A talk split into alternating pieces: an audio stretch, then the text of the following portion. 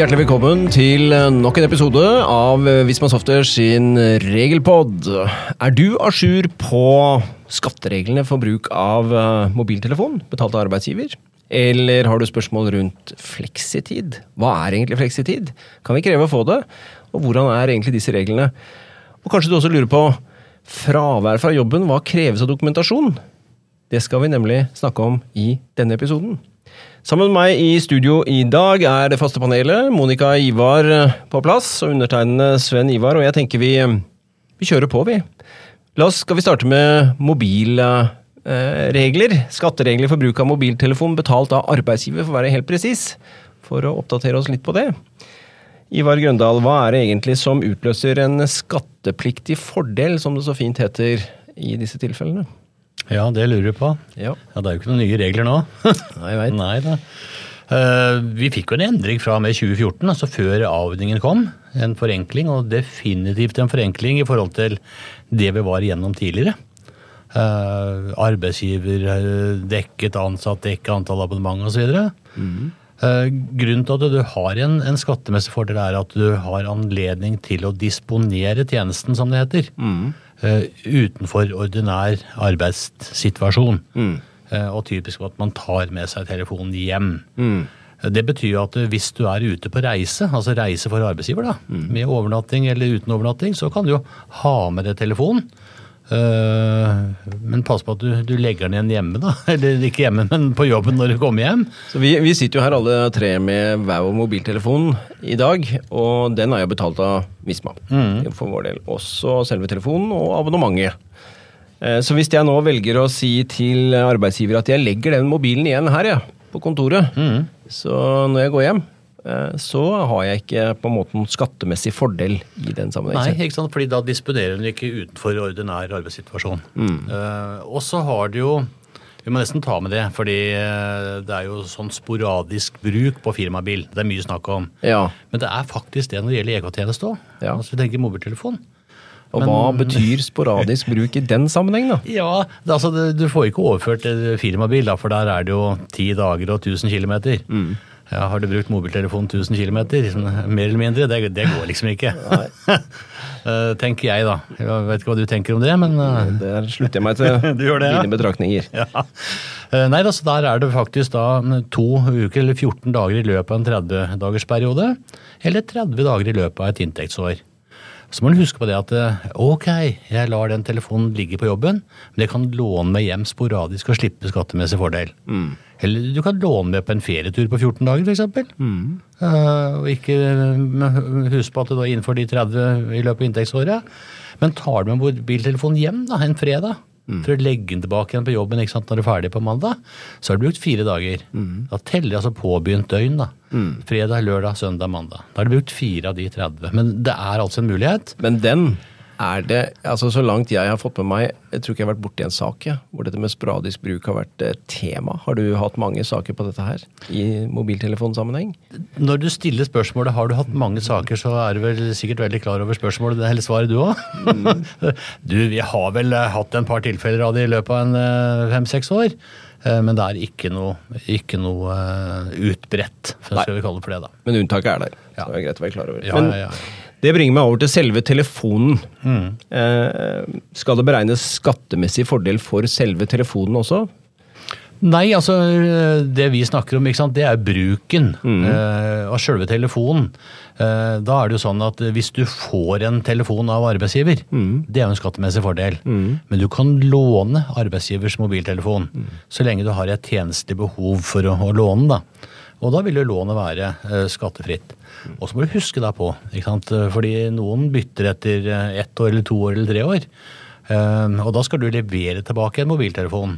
Hvis du ikke gjør det, eh, så du får det til å beholde den ikke sant, når de sier to år er gått, så er jo det en skattemessig fordel. Mm. og da er det å si eh, hva er verdien av mobilen som du eventuelt må skatte av, eller må betale til arbeidsgiver for å beholde den. Mm. og så har de lagd en sånn sjablong På det. på, på det, da. Ikke sant? Eh, Inntil ett år så er det vel 80 og mm. mellom ett og to år så er det vel eh, 50% hvis jeg ikke husker feil. og mellom 2 og 33 Hvor, Ja. ja. Det er vel, eh, jeg mener det er sjablongen. Og det, er, det må man jo huske på, da. Men det er vel noen andre skattemessige grenser å forholde seg til, da? Er det ikke det? Yes, eh, helt klart. Så hvis vi er ferdig med selve mobilen, da, men Ja. altså bruken, eh, det vi kaller for EK-tjeneste, eh, så er det 4392 per eh, arbeidsgiver, skal vi kalle det for det. Det er viktig å huske på. Eh, Uansett hvor mange tjenester du har, eh, om det er bredbånd og det er mobiltelefon, kanskje to telefoner, noen har jo det, og tre også, så er det 4392 som er maks skattemessig fordel. Det som er viktig å ha med seg, er jo at trekk- og agaplikten på 4392 gjelder per arbeidsgiver. Ja. Og hva betyr egentlig det? Jo, hvis du får en nyansatt 1.8 som har hatt både mobiltelefon og abonnement dekka for arbeidsgiver, brukt opp i 4392, og så sier han det hadde jeg for arbeidsgiver, så eh, nå skal ikke jeg ha noen fordel hos deg. Det eh, er feil. Da begynner du på nytt, selv om du har nådd 4392 tidligere. ja. Eh, Og det er viktig som å ha med seg, da. Absolutt. Da har vi arbeidsgivers abonnement. Ja, eh, ikke sant? det var den endring som kom da fra med 2014, som eh, gjør det utrolig enkelt.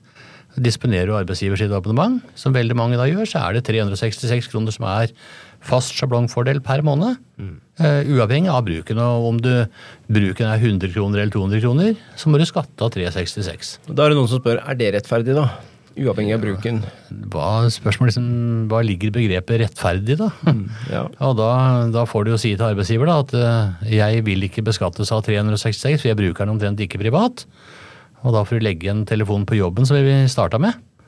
Og så tar du ikke med deg mobiltelefonen hjem, og så slipper du beskatningen. Det er da en Enkelt og greit. Enkelt og greit. Det er arbeidsgivers abonnement, men hva hvis det er arbeidstakers eget abonnement, da? Da dukker det vel opp noen regler om både bilagsplikt og Ja, ja. Altså, fortsatt eh, 4392 som er maksfordel, men uh, da er jo det du får refundert, som er trekkpliktig. Så har du bredbånd på la oss si 700 kroner i januar, ja, så skal du skatte av 700 kroner i januar. eh, Og ikke 366, som er arbeidsgivers abonnement. Og sånn fortsetter det til du når 4392, og så er det null resten av året. Men da har jeg, siden vi er innom bredbånd, så har vi jo også den varianten hvor navnet på abonnementet i, når det gjelder bredbånd, står i eh, gjerne en partner, ektefelles navn, kanskje. Hva, og så skal man ha refundert kostnadene. Hvordan går det? Nei, altså I utgangspunktet så står det jo ikke noe om det, eh, verken i skatte-ABC eller, eller forskrifter eller, lov, eller lovhjemlinger, for å si det sånn. Men det skatteetaten har uttalt da i sånne tilfeller, for de skal jo sannsynliggjøre at du har en, en kostnad. Eh, og som arbeidsgiver ville jeg også ha tenkt er dette en kostnad som jeg er forplikta til å dekke. Eh, og det betyr at eh, hvis ikke arbeidstakeren er abonnent, men en annen i husstanden, så skal jo arbeidsgiver, eller i forhold til det skatteetaten sier i hvert fall, eh, få en bekreftelse, enten da fra abonnenten eller abonnentens arbeidsgiver, om at det ikke dekkes eh, av den arbeidsgiveren. Og sånn har jeg, for eksempel. Eh, Fordi den står ikke i mitt navn, og da har jeg fått en bekreftelse på det. Og én gang så har jeg glemt å legge den ved når jeg har levert inn eh, utlegg, og da har jeg fått den i retur. Du har det, ja. Ja? Ja, Ja, da funker det. at, ja, så det, er- De det er en god rutine vi har hos oss, da. Mm. Veldig bra. Og som arbeidsgiver så ville jeg vært opptatt av det. At uh, altså hvis en, en annen arbeidsgiver dekker den kostnaden, hvorfor skal jeg gjøre det da? Da har vi på en måte vært kort gjennom reglene om dette med arbeidsgivers abonnement, og når arbeidstakeren da på den annen side får refundert kostnader ved eget abonnement. Men hva hvis eh, arbeidstaker disponerer begge deler? Det er jo veldig vanlig. Ja. At du har uh, eget abonnement på bredbånd hjemme som arbeidsgiver dekker, og så har du mobiltelefon som er arbeidsgivers abonnement. Da løper jo 366 på mobiltelefon, det løper jo fast. Og ikke sånn. Og så får du refundert bredbånd i januar. Da skal det legges til de 366. Så kommer det til februar, så gjør du akkurat det samme. Eh, og det betyr at da når du jo 4392 kanskje på vårparten. Eh, og da er det null resten av året hos den arbeidsgiveren. Eh, da skal heller ikke de 366 inngå inngå noe trekkgrunnlag fordi det er nådd 4392. Eh, mange tenker dette er jo en innmari jobb, hvis jeg skal bruke et pent uttrykk. Holdt jeg på å si noe annet, men Men der har vi vel en fiks løsning, har vi ikke det? ja, ja, selvfølgelig. Og payroll gjør dette her helt automatisk. Så det er ikke noe du trenger å følge med på. Eh, Og vi veit at mange kjører 366, ikke tar med refusjonen, men det blir jo feil. Og typisk hvis noen da slutter i løpet av året, Skulle du ha tatt med eh, refusjonene, så har du ikke gjort det. Mm. Da er det jo ikke beregna forskuddstrekk og aga av det du skulle ha gjort. Eh, så følg regelverket. Ja. Systemet gjør det helt automatisk. Veldig bra. Det syns jeg var gode ord å avslutte det temaet med. Ja, og da eh, skal vi vel over på noe, et nytt tema, da. Ja. Vi kan ikke bare snakke om telefoner her i podden. Vi skal snakke om noe som ansatte setter veldig pris på, da, tenker jeg. At de har fleksibilitet i forhold til arbeidstid og sånn å komme og gå litt når man vil. Ja, man kaller vi gjerne fleksitid, det er vel det man er vant til det begrepet. Det er vel ikke så veldig ofte arbeidstakeren spør kan jeg få fleksibel arbeidstid. Man er jo gjerne Nei. på dette fleksitid-begrepet, men er det noe man har rett til? Er det noe man kan kreve? Ja, dette har jo vokst opp gjennom tiden gjennom eh, typiske avtaler, og særlig tariffavtaler har jo hatt regler om dette regulert tidligere. Og så fikk vi jo for noen år siden også en generell regel om det hele inn i arbeidsmiljølovens paragraf 10-2, altså inn i arbeidstidskapitlet. Og der er jo på en måte utgangspunktet at eh, alle arbeidstakere har krav på eh, en fleksibel arbeidstid. Men så er det et unntak. Og det er jo dersom disse ordningene på en måte medfører det vi kaller en vesentlig ulempe for virksomheten å innføre, så kan de nekte. Men den store, store, vi skal komme tilbake til det, men den store, store hovedregelen er jo at ja, det har du som ansatt krav på. Ja, men, men som du sier, man kan altså nekte i noen situasjoner. For vi har jo vært borti saker der det faktisk har vært greit for arbeidsgiver å si nei til et ønske arbeidstakerne har. Og når inntreffer den situasjonen? Ja, det er jo med utgangspunkt i dette når er det en vesentlig ulempe da, for bedriften å innføre eh, fleksibel arbeidstid. Og det blir jo en helt sånn konkret ting man må se på i forhold til hver virksomhet, kanskje i hver avdeling i en virksomhet òg, hvis det er eh, må, forskjellige måter man jobber på.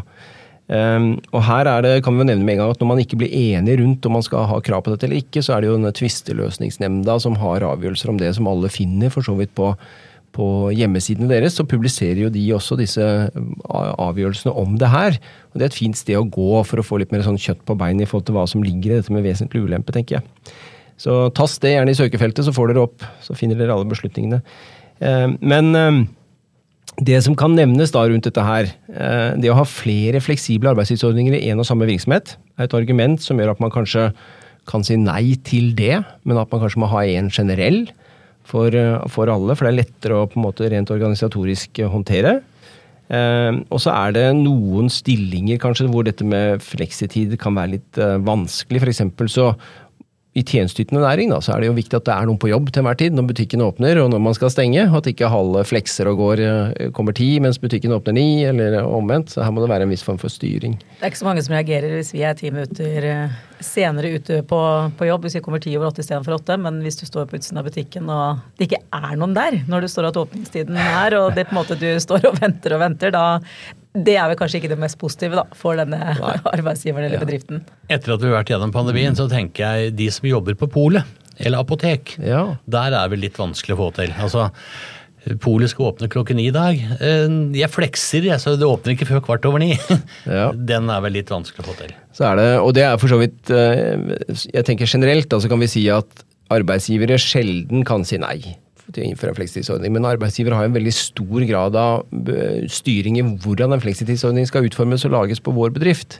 Så det er jo ikke noe kjøreregler i lovverket for hvordan en fleksitidsordning skal se ut, hva den skal være hos oss, og det kan skreddersys til den enkelte bedrift for å få det til å passe.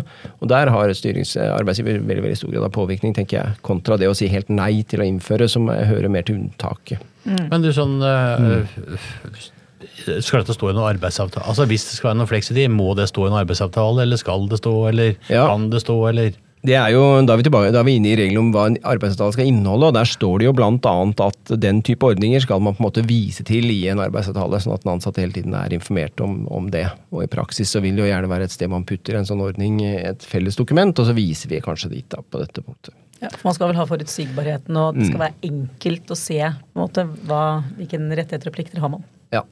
Men dere sier fleksitid og fleksibel arbeidstid. og Kan en dere for, egentlig forklare en sånn lønn skattmann? Hva er egentlig fleksibel arbeidstid?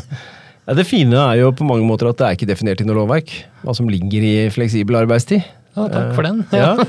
Så vi finner liksom ikke noe sånn legal definisjon, som det så fint heter, i forhold til hva vi skal forstå med dette her. Så tror jeg alle har et slags begrep om hva det innebærer. Dette her med at man som ansatt, da tenker jeg innenfor visse rammer, selv kan på en måte avgjøre når på dagen man er på jobb. Det er vel veldig sånn på overliggeren hva som ligger i dette med fleksitid. Som et utgangspunkt, iallfall. Mm. Eh, og det, så ser vi jo i praksis når man lager sånne, så er det mange sånne ordninger som har det, bruker begreper som kjernetid, i betydningen at i den perioden mellom ni og tre så må alle være på jobb. Mellom åtte og ni så kan du kanskje flekse og komme når det passer seg, og sånn mellom tre og fire. Kan det være én variant, da. Og Da dukker eh, kjernetid opp, og noen bruker begreper som ytre arbeidstid oppi det hele. Med, med litt sånn samme eh, Eller kanskje det ses på da som på en måte tiden hvor arbeidstakeren selv kan velge om man er på jobb eller ikke. Ja. Og så ser vi jo ofte disse ordningene, fordi én ting er det, en annet er hvordan du bygger opp ordningen. Mm. Eh, og mange arbeidsgivere har jo enten knytta til kalenderår eller til måneder eller til kvartalsvis mm. at man setter begrensninger, fordi man snakker jo gjerne om plusstimer og minustimer. Mm. Man har slike fleks, eh, fleksitidsordninger. Og så setter det en begrensning på hvor mye du får lov til å overføre til neste periode. Om det som jeg sier da, f.eks. er neste kalenderår. da. Mm. Om man kommer til 31.12., og så ser man ok, nå har du så og så mange plusstimer igjen, f.eks., og da får du ikke lov til å overføre mer enn dette beløpet. Mm. Er det en OK ordning, da? I utgangspunktet er det en OK ordning. hvis man tenker at, Jeg skjønner jo godt arbeidsgivere som gjerne ikke vil ha med seg for mye timer over til neste år, kanskje. Hvis vi skal holde oss til årsvarianten. Og sier at man kun får lov til et gitt antall timer å flytte mellom år. Så kan man gjerne legge det inn eh, som en del av ordningen, eh, som mange gjør. Og Det tenker jeg i utgangspunktet er lovlig og helt ok å gjøre. Der jeg ser at dette blir en, en utfordring, det er jo eh, fordi hvem er det da som bestemmer når du får lov til å avspasere disse plusstimene dine i løpet av året? Og Det ligger jo utgangspunktet under arbeidsgivers styringsrett å beslutte om du får fri til det eller ikke. Eh, og Da kan vi også tenke oss en situasjon hvor jeg som arbeidsgiver gjør at du ikke får avspasert disse timene dine i løpet av året. Og så vise til denne ordningen og si at da sletter vi de timene som er over 50, eller hva det måtte være uten at du da får noen kompensasjon for det. Det har vi jo vært borti. Ja, for det er vel det som det ofte til syvende og sist bunner ut i også, dette her med kompensasjonen. Fordi mm. det er jo to forskjellige måter å løse det på.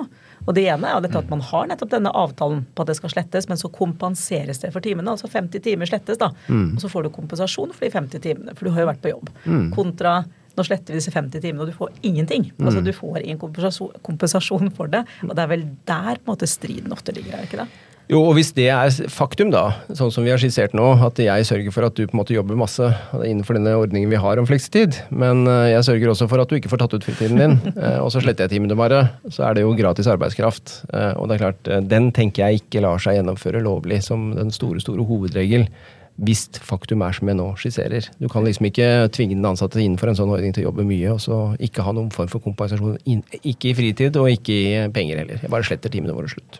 Der ga du meg et lite hint. Jobber mye. Mm. Uh, hvis du har en sånn flekt, fleksitidsordning, eller fleksordning, eller hva du vil kalle det, uh, hva da med overtid? Altså, må jeg jobbe mer før jeg eventuelt kan beregne overtid, da? Ja, er, der er det nok misforståelser ute og går ofte.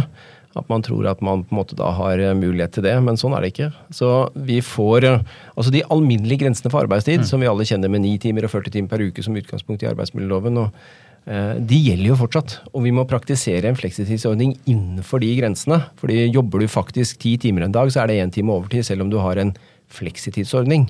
Så du får, noe, du får ikke noe mulighet til i den settingen her som hovedregel å jobbe noe mer uten at det blir overtid.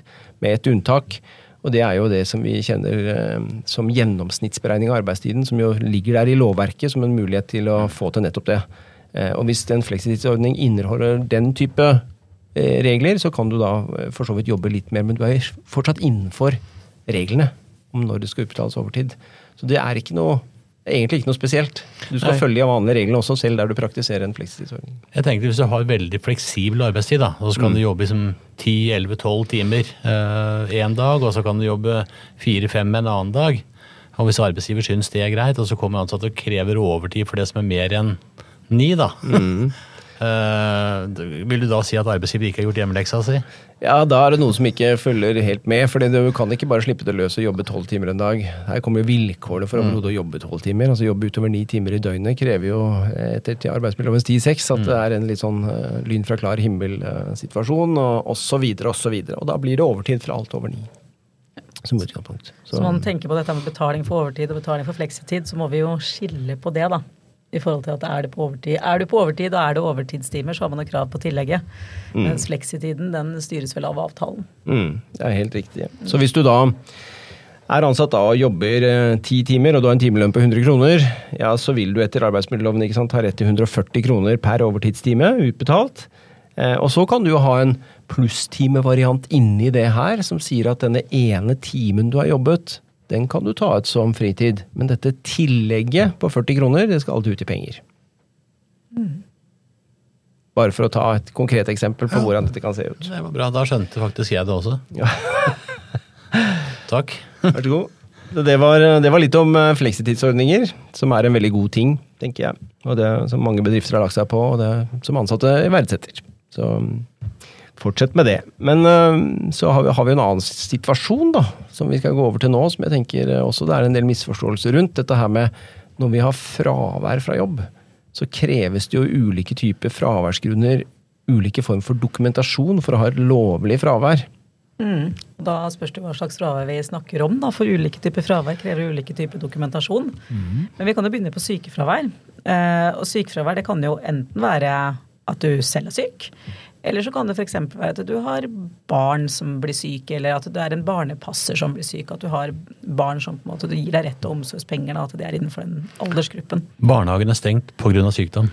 Ja. Alle ansatte er syke. Ja, da vil man jo ha rett til omsorgspenger, men hvis barnehagen er stengt fordi det er planleggingsdag, eh, da kan man ikke knytte det til sykefravær. Da er det også et fravær, men da er det et annet type fravær og annen type på en måte, dokumentasjon på det eventuelt. Men ved egen sykdom, da, man kan starte der, så er jo hovedregelen er jo faktisk sykemelding, eller legeerklæring er jo det som står i loven, men det er jo sykemelding vi i utgangspunktet får på det. Eh, Men det veldig mange også har anledning til å benytte når man er arbeidstaker, det er jo egenmelding. At man sånne korte fravær kan dokumentere med at man bare selv melder ifra.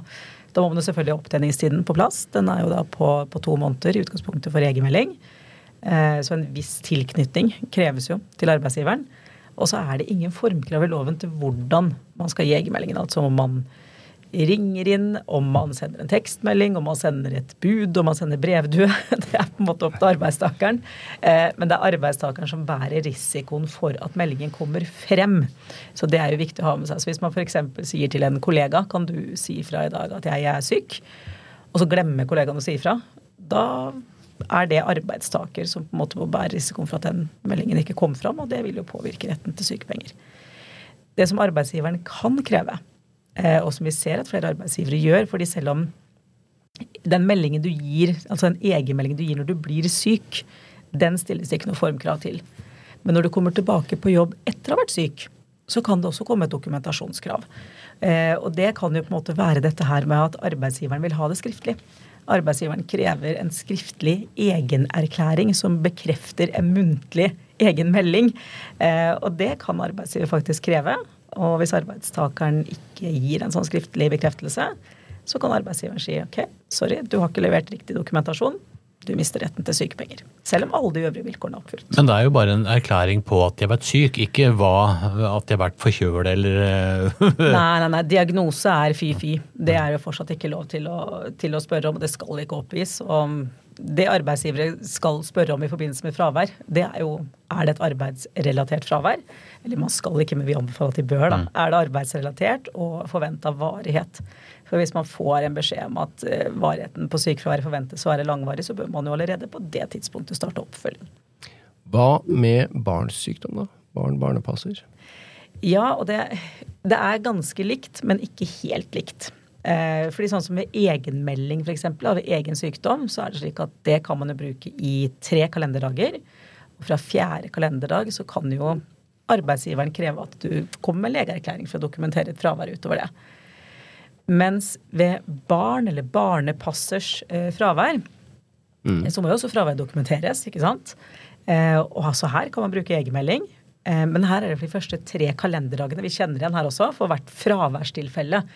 Men når man snakker om fraværstilfelle her, så ser man jo på den personen som mottar, altså arbeidstakeren som er borte fra jobb pga. sykdommen til barnet. Man ser ikke på den som er hjemme og er syk. Eh, Så det vil jo si at på samme måte som ved egen sykdom, så kan arbeidsgiveren kreve dokumentasjonen legeerklæring Altså Man sykemelder ikke barn, men en legeerklæring på at barnet, eventuelt barnepasser, er syk fra og med dag fire, hvis man har et fravær som varer så lenge. Men da handler det om den som er hjemme fra jobb pga. barnets sykdom, da, som vi hadde her. Eh, så hvis foreldrene deler dagene seg imellom, kanskje dette er et barn som er hjemme en hel uke, og så tar mor de første tre dagene, og så tar far de siste to dagene. Da er det ikke noe krav til legeerklæring, selv om det samla fraværet for barna er på fem dager. Så er det ingen av omsorgspersonene da, som har mer enn tre dager hjemme. Og da kan man dokumentere hele fraværstilfellet eh, per person da, eh, med egenmelding, fordi ingen av de er mer enn tre dager borte fra jobb. Kan jeg bare spørre da? Fordi eh, La oss si at dette barnet er to uker, da. Mm. Og så er det mandag på mor, tirsdag på far, onsdag på mor. To, altså tar annenhver dag i to uker. Ja, I teorien så kan man bruke opp alle dagene med omsorgspenger uten å måtte levere mm. legeerklæring hvis man bytter på å være hjemme, slik at i et fraværstilfelle for arbeidstakeren ikke strekker seg mm. lenger enn tre dager, så er det ikke noe behov for legeerklæring. Og da, for hver gang de gjenopptar arbeidet, for det er jo krav, gjenopptar jobben, så avbrytes fraværstilfellet. Og hvis de på nytt er hjemme da, så er det et nytt fraværstilfelle, nye tre dager. Så det er greit å ha med seg. Absolutt. Også, jeg tenker jeg skal bare nevne med egenerklæring òg. For jeg sa jo det at ved egen sykdom så kan arbeidsgiveren kreve det. ikke sant? En skriftlig egenerklæring. Mm. Hvis ikke så kan de si sorry, du får ikke sykepenger. Det kan man ikke ved sykt barn. Så her er det heller ikke noe formkrav til hvordan man gir beskjeden, altså meldingen om at man er hjemme med sykt barn. Og her kan heller ikke arbeidsgiveren kreve en skriftlig bekreftelse når arbeidstakeren kommer tilbake på jobb. Så det skiller seg jo litt ut, da. Dette var jo sykdom.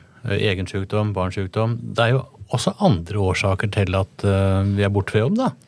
Ja. Uh, hva slags eh, dokumentasjon eller varsling snakker vi om da?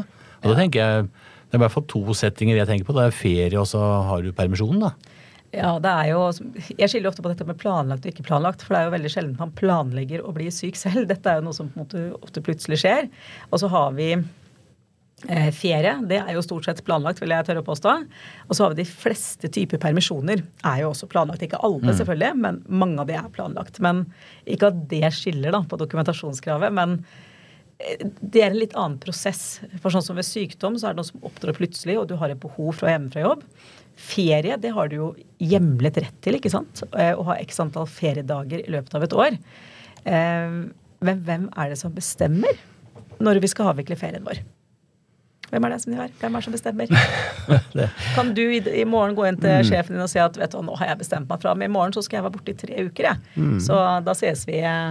Eh, jeg kan jo prøve meg, men til syvende og sist så er jo dette noe som ligger under arbeidsgiver og arbeidsgivers styringsrett, og for så vidt i kraft av ferielovens uh, regler i paragraf 6 og 7. Ja, ikke sant. Mm. Utgangspunktet er jo det. Men Ivar, ja. du kan vel gå inn plutselig og si at nå skal jeg ha ferie, men du kan ikke si i morgen, kan du det? Man kan Nei. ikke si tre uker heller. Nei. Hva er det du, du kan si da? Jeg har en ekstra uke eh, fordi jeg er over 60 år. Eh, jeg kan velge hel uke, jeg kan velge enkeltdager. Men uh, Stian har sagt til meg at du Ivar, 14 dagers varslingsfrist. Jeg må vite 14 dager før. Uh, det er i hvert fall noe man kan kreve. Og så mm. kan de si at du, jeg skulle gjerne hatt uh, et par dager neste uke, Stian. Så kan man si ja, men det er helt greit, Ivar. Men uh, arbeidsgiver kan kreve 14 dagers varsling. Ja. Og det er jo det vi er på på ferie. ikke sant? Her er vi jo ikke på dette at man skal dokumentere fraværet, men at man skal varsles i forkant av fraværet.